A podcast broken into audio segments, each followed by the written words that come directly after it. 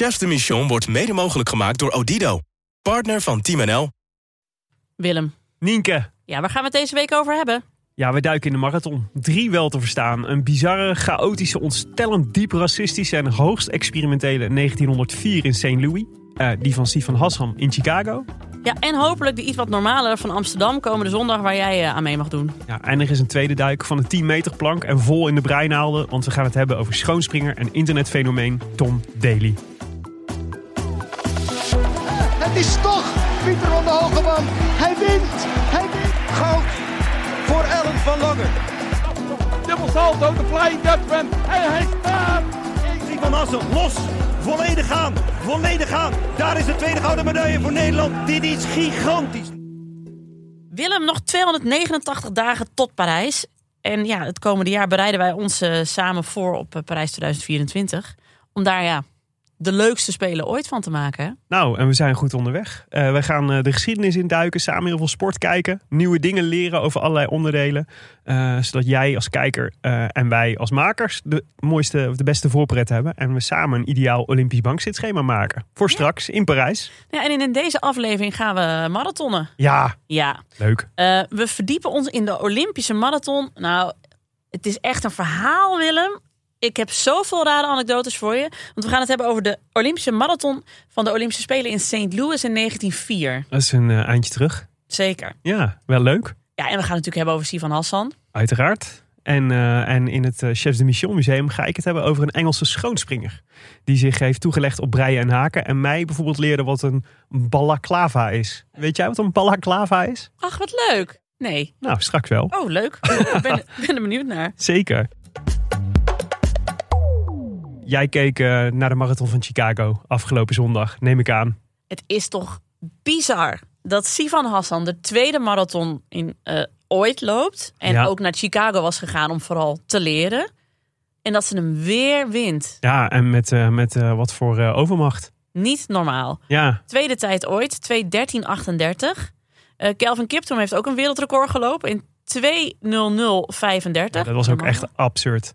Die jongen heeft dus nog nooit langzamer, een marathon langzamer gelopen dan, dan twee uur en twee minuten. Alles is, alles is onder de twee uur en twee minuten. Hoe kun je zo? Ja, Nou ja, ik heb me dus nog even een beetje... 23 hè? 23. Ja. Een heel leven voor je. Ja, ik heb, was een, stond een filmpje op ehm, nos.nl waarin Gregory Sedok uitlegde waarom Sivan Hassan dan zo'n goede loper is. Mhm. Ik heb dus van hem geleerd dat het vooral mee te maken heeft niet met de stap die je naar voren zet, Ja, maar eigenlijk met hoe ver je je been naar achteren zwaait. ja. Dus dat je daar je snelheid uit kunt halen. Dus dat je eigenlijk, je daarom dus ook heel veel van die Keniaanse hardlopers, die doen een soort van hakkenbillen bijna hè, als Ja. ze rennen. Ja. Dat, je, dat dat dus zeg maar voor veel meer snelheid zorgt. Mhm. Ik had geen idee. Ja, ik, eh, ja, haalt daar loop je er altijd wel meteen uit bij Sifan Hassan. Mhm. Ze heeft wel echt een unieke manier, eh, unieke stijl, maar wel rete effectief. Dus Ja. kennelijk. Maar het ziet er niet heel mooi uit. Het is geen kritiek, hè, maar het is niet een mooi loopje. Het is, Ja. niet, het is niet een hinde. Nee, nou ja, soms wel. Maar als ze moe, volgens mij zag je het heel goed dat ze moe werd aan het eind. Eh, en eh, nou ja, ik zal dit niet vaak, te vaak gebruiken, maar dat herkende ik wel een beetje. Want als je moe wordt, dan ga je wel echt slordiger lopen. Zeker. En ik heb dus geleerd dat dat heel veel te maken heeft met je, met je, met je core. De, je, hoe heet het ook alweer? Je, je buikspieren en Ja, zo. ja. Want als die moe worden, dan gaat eigenlijk je hele lijf gaat meer fladderen. En, eh, en dat is dus wat je ziet gebeuren. Dus hoe naarmate je moer wordt, ga je slordiger lopen. En daardoor kost het ook meer energie. En volgens mij zag je bij Sivan Hassan wel echt dat ze die laatste paar kilometer, dat ze echt aan het afzien was. Eh, want toen zag het er, zelfs bij haar, was het, nou ja, eh, was, was het geen hinder meer. Absoluut. Ja, maar dit verklaart wel echt een heleboel waarom ik zo beroerd loop. Gebrek aan buikspieren. ja, zeker, zeker. Ja. hey, maar Willem, en nu we het toch over de marathon hebben. Jij telt de dagen ook af. Ben je, Zo, ja. ben je er klaar voor? Ja, kun je dat ooit echt zijn? Nienke de Jong. Eh, ik, eh, ja, ik ben er wel klaar voor, ja. Maar ik vind het ook spannend. En ik heb dat normaal gesproken voor... Ik heb wel vaker hardloopwedstrijden meegedaan. Ik loop dus zondag de Amsterdam Marathon. En eh, ik heb nog nooit gehad dat ik me al zo lang van tevoren al, al zo nerveus was als dat ik nu ben. En heb je ook Het is wel echt een end. Ja, het is echt een end. Maar heb je je ook heel erg eh, verdiept nu in je techniek? Heb je die echt aangepast? Of? Nou ja, behalve dus die, eh, die buikspieren oefening, dat heb ik wel veel gedaan. En eh, ja, verder, ik moet gewoon vaak denken aan, ik heb ooit echt hardlooptraining gehad, gewoon bij, bij een atletiekvereniging. En dan had ik een coach die altijd heel erg, heel erg gefocust was op alle techniek. En die heeft mij wel heel erg geleerd om mijn armen goed te gebruiken. Mhm. Dus echt zo'n zwaaibeweging te maken en die ook af te maken en daar, daar ook kracht mee te zetten. En dat heb ik altijd wel onthouden als een, als, eh, als, ik denk, ik hoop dat me dat helpt. Ik hoop vooral dat ik het na 35 kilometer nog weet. Vast wel. Maar nog even dan voor mij, want als beginnend renner. Hoe Ja. moet ik mijn armen bewegen? Wat zei jouw trainer? Ja, dus je, je, je moet ze vooral gebruiken. Dus actief gebruiken. Dus heel veel mensen eh, hebben ze een soort, als soort van accessoire mee als ze aan het hardlopen zijn. en dat is natuurlijk hartstikke handig en hartstikke leuk. Maar als je er daadwerkelijk energie uit wil halen, dan moet je eigenlijk, dan moet je eigenlijk mee- actief meebewegen met je armen. Bijna als je een soort aan het langlaufen bent, zeg maar. Dat idee. Oh. En eh, hoe beter je dat doet, dus je moet dat doen wel vanuit ontspannenheid. Dus je- bij mij is bijvoorbeeld een neiging, heb ik heel erg om mijn schouders dan op te gaan trekken. Dat Ja. moet je dus voorkomen. Maar als je dit blijft doen, zeg maar, gewoon actief naar voren en actief naar achter, dan voel je ook al dat je al een voorwaartse beweging maakt. Hmm. Dus dat is, eh, dat is de truc. Dus dat is het. En dus een soort van hakkenbillen. En akkebillen en stevige buikspieren. Ja. nou, ik heb nog wel wat te doen. En dat dan 42 kilometer en 195 meter. Ik eh, benijd je niet. Nee. Maar namens het hele team van Chefs de Mission, Mhm. heel veel succes. Dankjewel. Voor we gaan beginnen aan jouw eh, marathonverhaal over St. Louis. Het was natuurlijk ook het WK Turnen afgelopen weekend. Ja, Heb je daar nog eh, het een en ander van meegekregen? stukjes, stukjes. Ja, je kon natuurlijk niet dit weekend om Simone Biles heen. Nee. Ze was overal. En Was- terecht. Ja, vier keer goud en één keer zilver. Ja, het was met, met, eh, met recht een waanzinnige rentree. Het is mooi ook om te zien, vind ik, dat- op een gegeven moment zijn mensen zulke supersterren. Dan trekken ze ook alle energie naar zich, naar zich toe. Dus ik zette ook prompt iedere keer de televisie aan op het goede moment. Simone Biles aan de, aan, de, aan de oefening moest beginnen. Maar ook in zo'n zaal zie je dat ook. Dat zeg maar, er gebeurt echt iets op het moment dat Simone Biles de vloer betreedt of klaar staat voor haar oefening. Ja, wat een, eh, wat een atlete. Dus ook, ik, vind, ik vond het wel echt serieus heel erg leuk dat we een aflevering hadden gemaakt eh, over turnen. Want ik had het idee dat ik het beter snapte en beter kon kijken. En uh, ja, en het, maar het blijft waanzinnig. We hadden het over dat turnen wat minder spectaculair wordt, omdat er meer aandacht is voor uh, de techniek in plaats van voor, de voor het spektakel. Maar ja, Simone Biles op vloer is gewoon spektakel hoor. Er Mijn hemel. spektakel over. Ja, ik had nog niet het gevoel dat ik nou naar een afgekalfde versie zat te kijken van Nee. het hele turn Maar die, die vrouw springt gewoon zeg maar uit stand twee keer haar eigen lengte, zo'n beetje. Echt, nou, bizar. Ja. Ja, ik heb overigens ook genoten van Sanne Wevers, die natuurlijk eh, de, ook de rentree maakte op het wereldtoneel. En prompt vierde werd op de balk. Eh, ook dat was natuurlijk extra leuk, vond ik, omdat we het erover hebben gehad. Mhm. Het is extra, extra aandacht voor de pirouettes en zo. Kon ik, eh, kon ik mooi uitleggen thuis hoe dat dan precies werkt. Dat was, eh, ja, was leuk. En super knap natuurlijk, gewoon vierde van de wereld. ja, is heel knap. Sowieso deden de vrouwen het waanzinnig goed. Betekent, gaat veel beloven richting, richting Parijs volgens mij. Nou, dan gaan wij er de komende maanden nog zeker meer aandacht aan besteden. Ja, eh, we zeiden het net al. Aankomende zondag om drie over negen start mijn eh, Amsterdam Marathon. Maar ehm, 119 jaar geleden werd er ook gemarathond op de Olympische Spelen van St. Louis. En daar ben jij de afgelopen weken voor ons ingedoken. Ja, eh, eerst eventjes de, de allerbasis basiskennis. De marathon, hoe is die ook weer ontstaan? Nou, het is dus het verhaal van een oude, een oude Griekse legende. Die gaat terug tot de slag bij Marathon in 490 voor Christus. En volgens de legende was er een koerier en die heette Philippides, Philippides of Philippides. Nou, wie het weet, Ja, die mag, het, mag me even mailen. Hij was een koerier en die, was, die rende vanaf het slagveld bij Marathon helemaal naar Athene. Om te vertellen dat, eh, dat de Grieken gewonnen hadden. Eh, en na het afleggen van die hele lange afstand zou die niet komen hebben uitgeroepen. Wat Niet betekent? komen? Niet komen. dat betekent dus we hebben gewonnen. oké. En daarna viel hij dood neer. Ja. Dat is het hele idee. Eh, die legende werd later opgenomen in de literatuur, want het werd allemaal doorverteld door schrijvers en dichters. Door Herodotus en Plutarchus en Lucianus. En in de 19e eeuw beschreef de Britse dichter Robert Browning het hele verhaal dramatisch in een gedicht dat hij ook Pheidippides had genoemd. En ehm, toen dus de moderne Olympische Spelen werden ontwikkeld, wilden ze natuurlijk ook een soort van ja, geste doen naar het, het oude Grieks, eh, Griekenland, waar de Olympische Spelen ooit bedacht is. En toen hebben ze de, de marathon bedacht. Eh, had niet meteen de afstand van 42, 195 kilometer. Dat is pas sinds de eerste Olympische Spelen in Londen in 1912. Mhm. Ehm, daarvoor hadden ze nog andere afstanden. Dus deze van St. Louis was ook 40 kilometer en niet 42. Oké. Maar sindsdien hebben we dus Scheelt toch weer een slok een borrel. nou, zeker, zeker.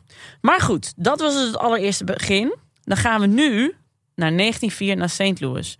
Want om die marathon te bespreken, moet ik eerst vertellen over de wereldtentoonstelling die er dat jaar in St. Louis was. Een wereldtentoonstelling, weet je, dat was zo'n ja, maandenlange soort van festiviteit in een stad. Eh, De eerste was in Praag in 1791. En het was eigenlijk het idee van dan laat een stad zien wat het allemaal in zijn of haar mars had. Mhm. Um, en van over de hele wereld kwamen er mensen naar die stad toe om te laten zien van met deze uitvindingen ben ik bezig. Dit Ja. heb ik bedacht. Dit wil ik laten zien aan Ze de dan allemaal van die landen paviljoens toch en zo. Precies. Ja. Ehm, eh, St. Lo- Louis kreeg hem dus in 1904 en dat was omdat ze 100 jaar daarvoor was de, Saint, de Louisiana Purchase geweest. En dat was in, 19 in 1803 heeft Amerika Louisiana gekocht van de Fransen. De Fransen hadden dat toen, maar die deden er eigenlijk niet zo heel veel mee. Er wonen vooral heel veel Native Americans en die werden nu ineens Amerikaans. En dat eh, Mhm. was niet goed nieuws voor ze, laat ik het zo zeggen. Nee. Dat hebben ze dus gevierd met eh, de wereldtentoonstelling. Die begon op 30 april 1904 en hij duurde tot 1 december. Er waren 1500 gebouwen in St. Louis waar dingen in stonden. 50 landen van over de hele wereld deden mee. En 43 van de Amerikaanse staten hadden daar ook een huis of een paviljoen of lieten iets zien. Best een evenementje. Precies, want wat was er allemaal te zien? Nou, bijvoorbeeld Wilhelm Röntgen, die eh, demonstreerde zijn röntgenapparaat. Ja. De draadloze telefoon is daar eh, eh, gedemonstreerd. Mhm. Het is ook de doorbraak geweest van bijvoorbeeld de suikerspin. Die was Oké. daarvoor al wel, werd je wel gegeten, maar daar is dat echt een soort van populair gemaakt. Ehm, er was een man en die gaf presentatie over appels. En dat is dus de eerste man die gezegd heeft: An apple a day keeps the doctor away. Echt? Dat kennen we daarvan. Oh, het goed. Er was ook een vliegwedstrijd. Die heeft uiteindelijk niemand gewonnen. Maar je mocht gewoon met jezelf bedachte eh, vliegtuig dingetje de lucht in. Ja. Er was ook een stierengevecht. Met Ron Bolshard. ja, zou je willen. Ja, nee, maar dit stierengevecht moest stoppen. Want stierenvechten eh, was illegaal in Missouri. Maar de, de spectators die daar een kaartje voor hadden gekocht... die waren zo kwaad dat, die, eh, dat het stierengevecht niet doorging... dat ze toen maar gewoon de hele stierenvechtarena in de brand hebben gestoken. Super gezellig. Ja. Nou, het wordt nog erger, want er was naast die wereldtentoonstelling en Wilhelm Röntgen en die man met die appels, was er ook een tentoonstelling van niet geciviliseerde of wilde volkeren. Oké. Ik ga nu opletten. Ja, nou, dit is het racistische deel en dat is een vrij groot deel. Er was bijvoorbeeld een demonstratie over de Boerenoorlog. Die toen eh, aan Ja. de gang was in Zuid-Afrika. Dus met Engelse soldaten en dan nagemaakte Zuid-Afrikaanse dorpen. met hun oorspronkelijke bewoners die daar naartoe waren gescheept. En eh, daar werden dus beroemde slagen werden daar nagespeeld. Ehm er waren mensen vanaf de Filipijnen gehaald, vanuit Puerto Rico, vanuit Guam. En die werden daar ook tentoon, tentoongesteld. Hè? Smaakvol, smaakvol. Ja, en, en daar zijn ook mensen bij overleden. Die dus tijdens die eh wereldtentoonstelling zijn overleden. Ja. Maar die mochten door, door de mensen in St. Louis ook niet op hun traditionele manier begraven worden. Die moesten dan maar gewoon in St. Louis begraven worden zonder ja. de traditionele gebruiken die ze daarbij hadden. Ehm, zelfs eh, Geronimo, dat was de leider van de Apache-Indianen, ja. eh, die stond zelfs tentoongesteld. Ja, echt Gewoon levend. levend, ja. Ja. En er waren mensen die dan voor die tentoonstelling betaald kregen. En dat waren ook dan mensen die dus ook bij andere wereldtentoonstellingen weer opdoken. Of andere fairs die ze dan ergens hadden. Mhm. Echt mensen die dus professioneel tentoongestelde waren. Ja. Maar ook heel veel mensen waren dat helemaal niet. Er kwamen 19 miljoen bezoekers op af. In die, eh, dat half jaar ongeveer dat heeft geduurd. Waaronder bijvoorbeeld eh, Jack Daniels met zijn whisky. Ah. Die heeft dan nog een medaille voor zijn whisky gewonnen. en ehm, eh, president Roosevelt die kwam pas nadat hij herverkozen was. Omdat hij zei, ja nee, ik wil niet daar een hele acte présence geven. Want dan denken mensen dat ik dat alleen maar doe om stemmen te winnen. Dus ik kom pas nadat ik herverkozen ben. Maar die was er dus ook.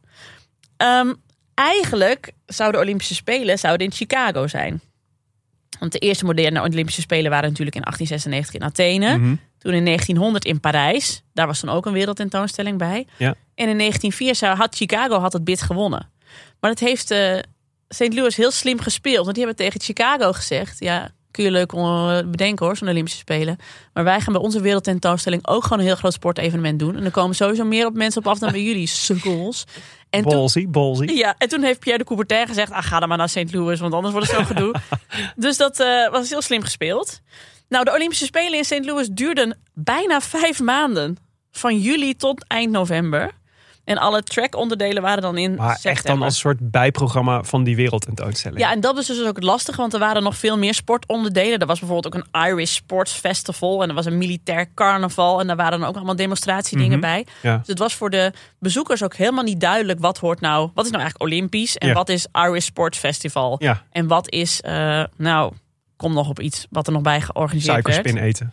Precies. Nou nee, er was een organisator. De organisatie van deze wereldtentoonstelling heette James Sullivan. En het was een ontzettende racist. En die heeft dus ook twee dagen lang de Anthropology Days georganiseerd. Ja, Hij leende dus wat mensen uit eh, die tentoonstelling van die inheemse volkeren die er was.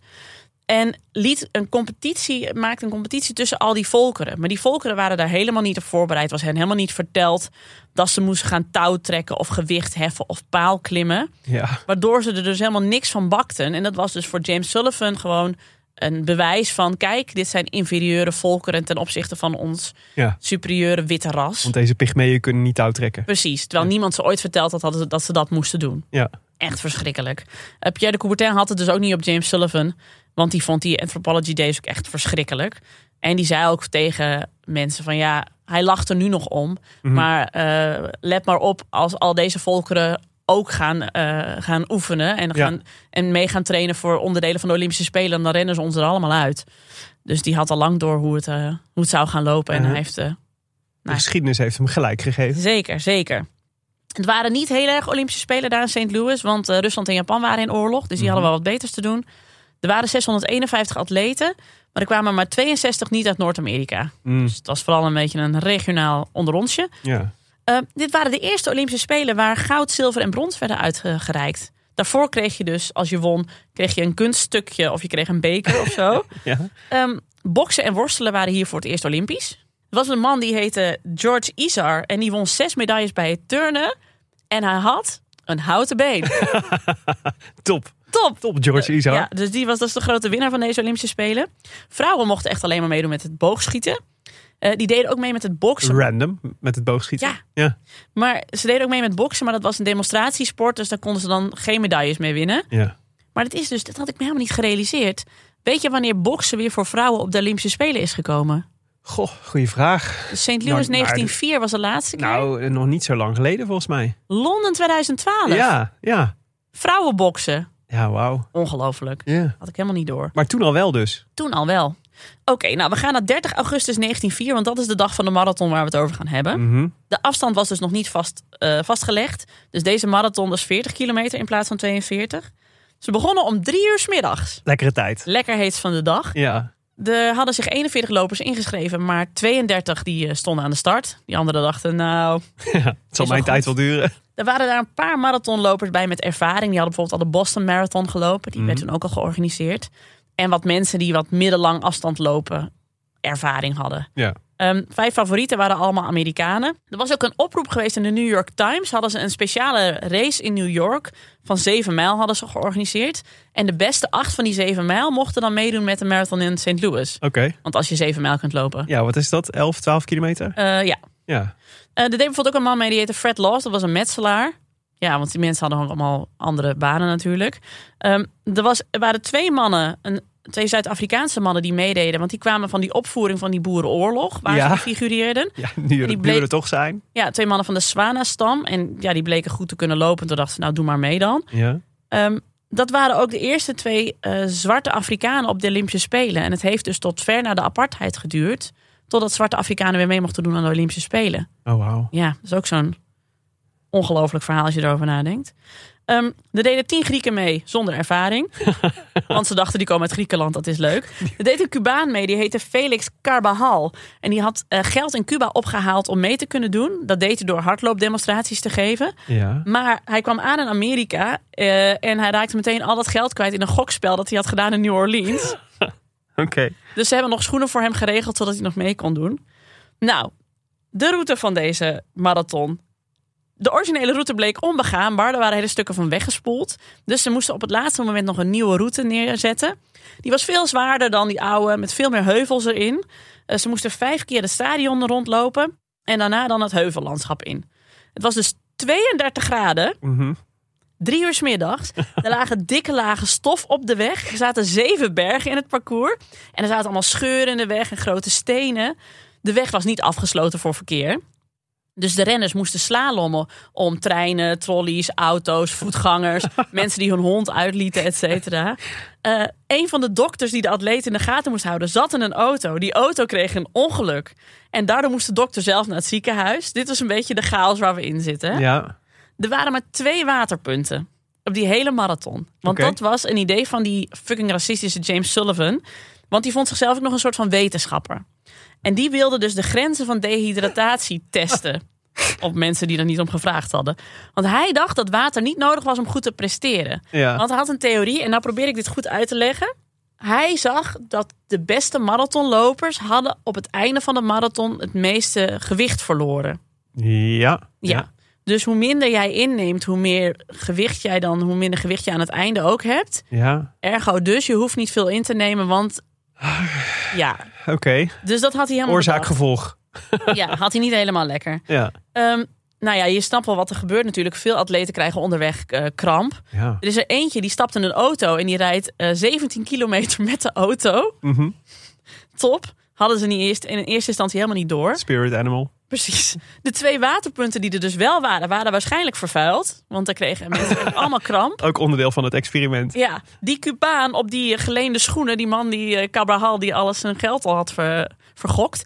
Die kletste met iedereen die hem aanmoedigde. Die was zo blij met de aanmoedigingen. Dat iedereen die zei, kom op, zei hij. Oh, hey, hallo, ik ben Felix. Hoe gaat het met Kom uit jou? Cuba. Ja, vond hij hartstikke leuk. Die kwam dus bij twee mensen langs die in een auto zaten. Die waren perzik aan het eten. Toen zei hij, ah, mag ik een perzik? Toen zei die man, nee, mag niet. Toen jatte hij ze, rende hij snel weg. Had hij die perziken opgegeten. Had hij nog meer honger. Zag hij een appelboom. Dacht ik, jat er wel een paar appels uit. Heeft hij die appels opgegeten. Waren die appels rot.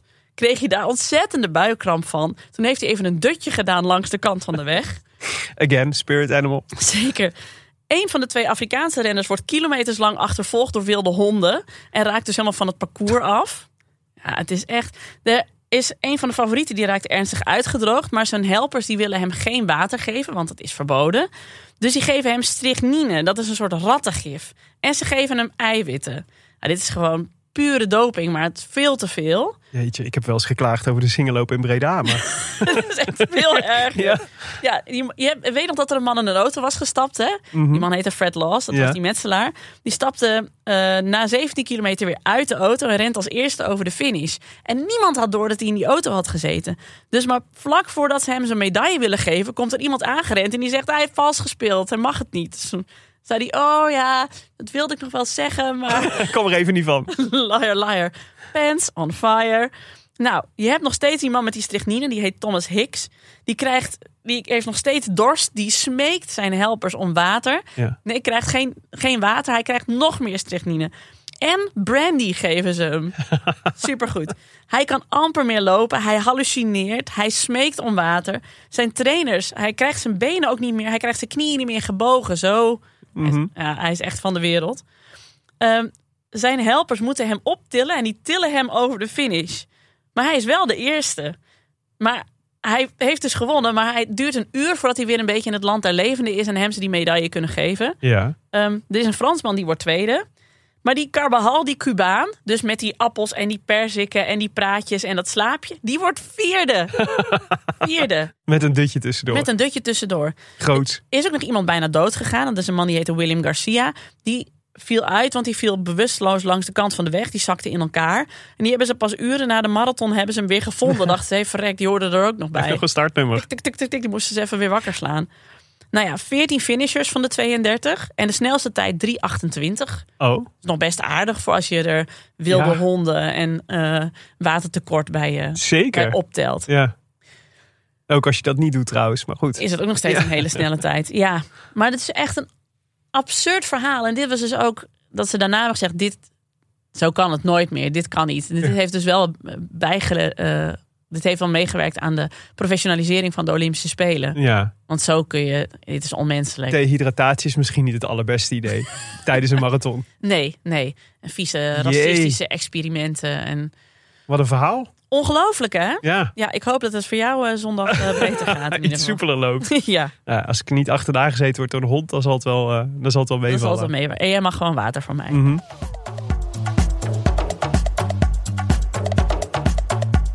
Ja, en elke week kiezen wij eh, uit de roemrijke geschiedenis één nieuw en bijzonder Olympisch werk voor in ons eh, Chefs de Mission Museum op Instagram. Een, een foto, een bijzonder moment, een bijzondere sporter of dat alle drie tegelijk. Ja, En deze week Willem Dudok. ja ehm, in Nederland hadden we in de jaren negentig natuurlijk eh, onze geliefde Edwin en Daphne Jongejans. Oh yeah. Hè? Die met z'n tweetjes zo'n beetje de ver- verpersoonlijking en de Ken en Barbie waren van het schoonspringen. maar als je in eh, Engeland schoonspringen zegt, dan eh, zeg je Tom Daly. Ken jij eh, Tom Daly? Ja, deze naam zat dus ergens achter in mijn hoofd nog wel verstopt inderdaad. Ja, ja, Tom Daly. Ja, het is echt wel een fenomeen. Tom Daly begon op zijn zevende met springen bij de Plymouth Diving Club. Oh yes. Eh, en eigenlijk vanaf zijn negende valt hij al op in allerlei nationale en internationale competities. Eh, op zijn elfde wordt hij eh, dan geïnterviewd door de BBC. Die ook hebben gehoord, er is een megatalent bij het schoonspringen. En dan zegt hij in een legendarisch interview dat hij naar de Olympische Spelen wil en een gouden medaille wil winnen. Dat is zijn grote droom. Zoals zoveel dat roepen. Eh, maar zo, la- zo later bleek echt een knipselkrant momentje.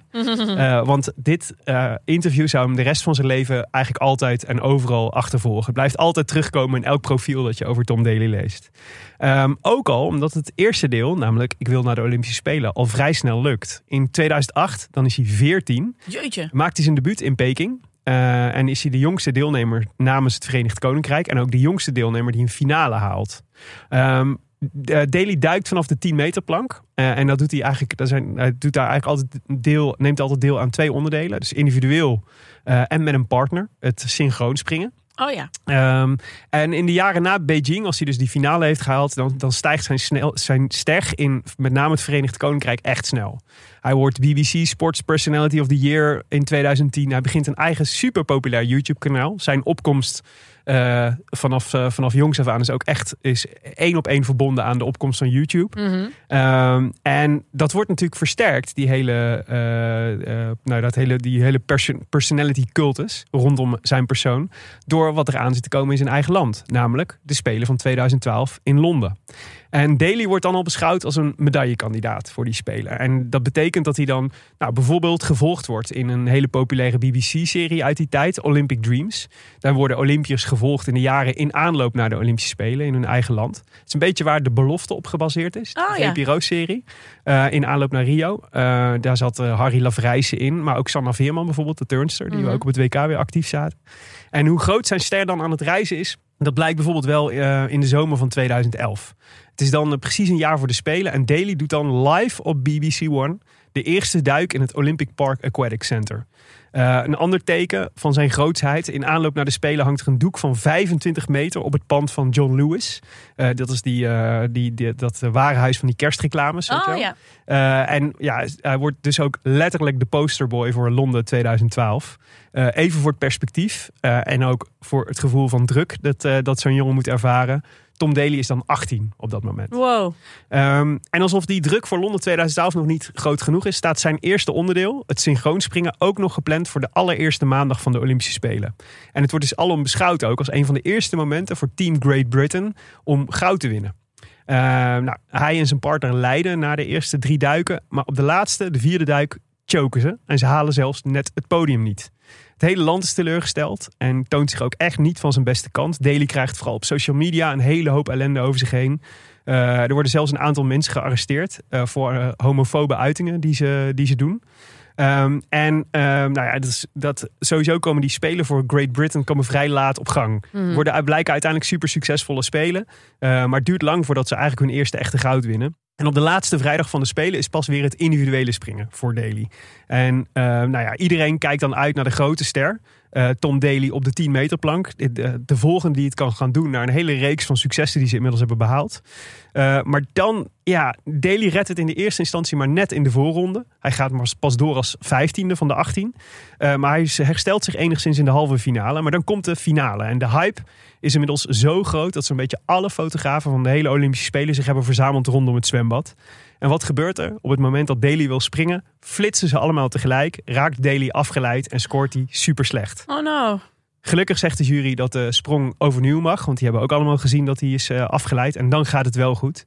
Daly komt in een flow terecht. Komt zelfs even bovenaan te staan. Maar moet het na een hele spannende laatste ronde uiteindelijk afleggen tegen een Amerikaan en een Chinees. Uh, maar er is een medaille uh, in eigen land. Geen goud, maar toch brons voor Tom Daly. Uh, super knap, maar natuurlijk nog niet de droom waar hij waar die zich op had gecommitteerd in, Nee, nee, toen, nee. hij, toen hij acht was. Maar hij is pas 18. Precies. Uh, maar na die spelen wordt ons Tommeke nog meer de media personality dan die al was. Hij wordt coach en mentor bij Splash. Dat is eigenlijk een soort sterrenspringen op zaterdag, maar dan Oh ja. van Engeland.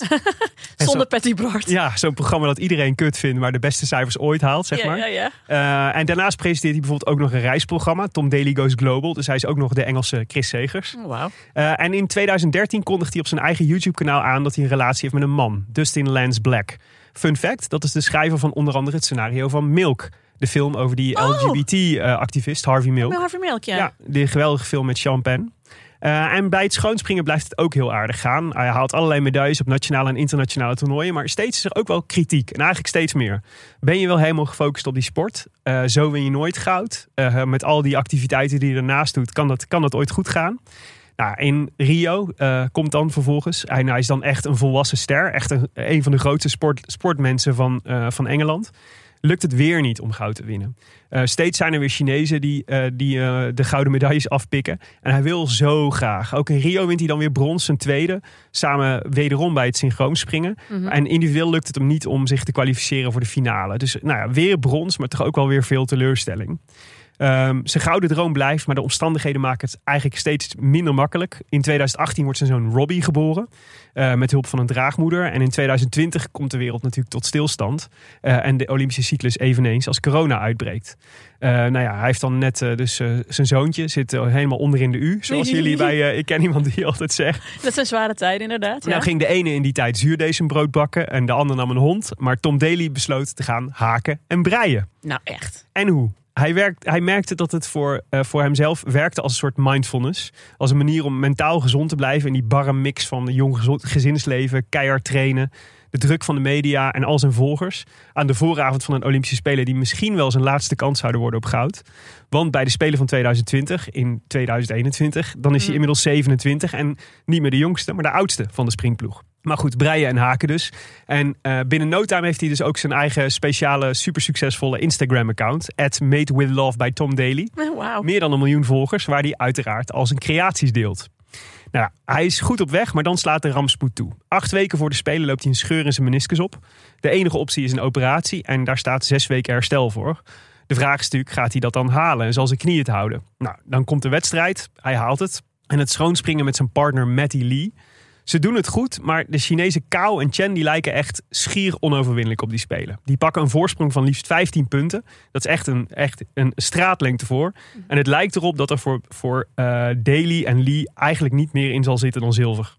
Uh, ondertussen breekt hij het internet met alle foto's en beelden van hem, Tom Daly, die op de tribune zit, zit met breinaalden. Oh, en tijdens de wedstrijd onder andere een vest in Olympisch thema aan het, uh, aan het breien is. En een hondensweater maakt. Wauw. En dan komt de finale. En Daly en Lee springen echt fantastisch. En die Chinezen, die 15 punten voorstaan, die choken. Ze komen er steeds dichterbij. Uh, per sprong uh, wordt, het, uh, wordt het verschil kleiner. En alles komt uiteindelijk neer op de laatste sprong. Nou, eerst zijn Daly en Lee, die springen prachtig. Echt een van hun beste sprongen van het toernooi. En die van de Chinezen is goed, maar ook net iets minder. En dan is er dus eindelijk en toch nog het goud voor Tom Daly. Uh, en daar heeft hij dan een zelfgebreid zakje voor, waarin hij medaille mee mag. Uh, en vervolgens uh, zegt hij op zijn Instagram-pagina aan al zijn fellow stitchers, zoals hij ze noemt. The one thing that has kept me sane throughout this whole process is my love for knitting and crocheting and all things stitching. Oh. Hij draagt zijn gouden medaille op aan al zijn fellow stitchers. Oh. Mooi hè? Mocht je nog een cadeautje zoeken, hij schreef twee boeken: Breien with Love en Haken with Love. En in dat boek vind je dus bijvoorbeeld een kleurrijke swirl Spencer, het vest met ballonmouwen, het schijnt die bekend om te zijn, en een balaclava. En dat is dus, uh, nu komt, uh, nu komt uh, de uitkomst, een soort bivakmuts. Oh ja, natuurlijk. Ja, voor als je een bank wil overvallen, maar wel sassy. en retro kabeltruien. Grappig, uh, Libelle heeft een paar patronen van Tom Daly online staan. Bijvoorbeeld voor een sjaal die jou heel goed zou staan. Oh. Dus we zetten de link naar de Tom Daly sjaal wel even in de show notes. Nou, Kun je hem zelf een, oppakken. wat een leuk verhaal. Echt hè? En wat Nou, fijn dat het ook zo'n positief einde heeft. Nou, sterker nog, na Beijing 2021 en zijn gouden medaille was het natuurlijk volbracht en stopte die eh, met, eh, met springen. Maar twee maanden geleden op zijn YouTube-kanaal verscheen er plots een video. En daarin vertelt Tom Daly dat hij met zijn zoon Robbie, eh, die inmiddels zo'n paar jaar ouder is, naar het Amerikaanse Olympische en Para- Paralympische Museum in Colorado Springs was geweest. Daar woont hij momenteel samen met zijn gezin. En hij vertelde dan dat, hij, dat ze genoten hadden van al die, eh, van al die beelden en eh paraphernalia. En dat hij was volgeschoten van alle inspirerende verhalen van atleten die tegenslag hadden overwonnen en goud hadden gewonnen. En hij zegt dan, ja, mijn zoon Robbie zei tegen mij, papa, ik wil jou zien duiken op de Olympische Spelen.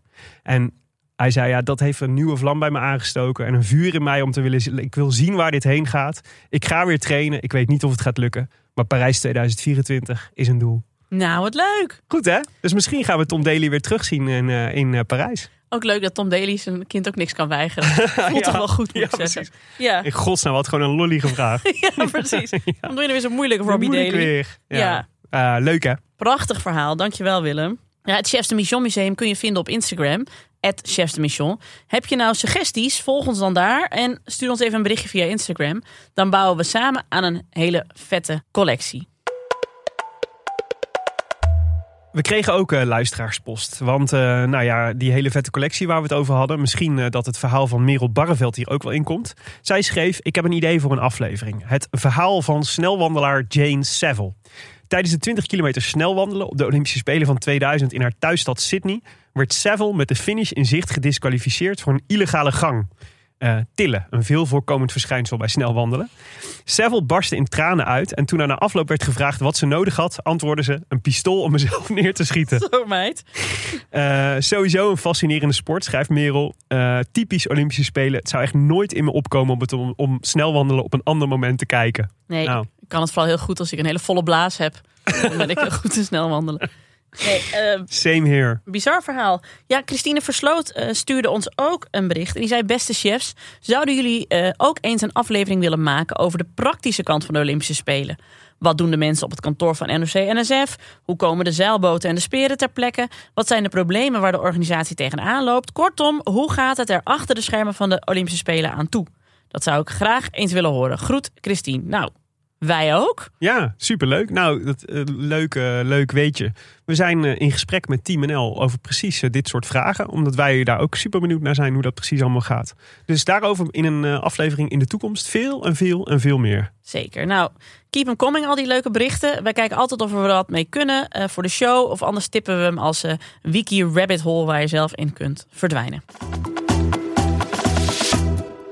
Nienke, komende week. Wat staat er op jouw kijkprogramma? Ja, er is dus Wereldbeker BMX in eh, Santiago del Estero in Argentinië. Oké. En eh, ja, wij hebben natuurlijk veel goede BMX'ers. Ja. Laura Merel Smulders, Niek en Justin Kimman. Nou, eh, ga er maar aan staan. Mhm. Ik ga het gewoon even in de gaten houden. Ik weet nog niet waar ik het kan kijken. Ja. Maar anders zal de, de NOS ons vast al berichten als er hoogtepunten zijn. Ja, Breng ik daar volgende week even verslag van ja, uit. het zal vast ook een of ander YouTube-kanaal zijn dat het uit. Een Tuurlijk. beetje zoeken, dan vind je het altijd wel, denk ik. Ja.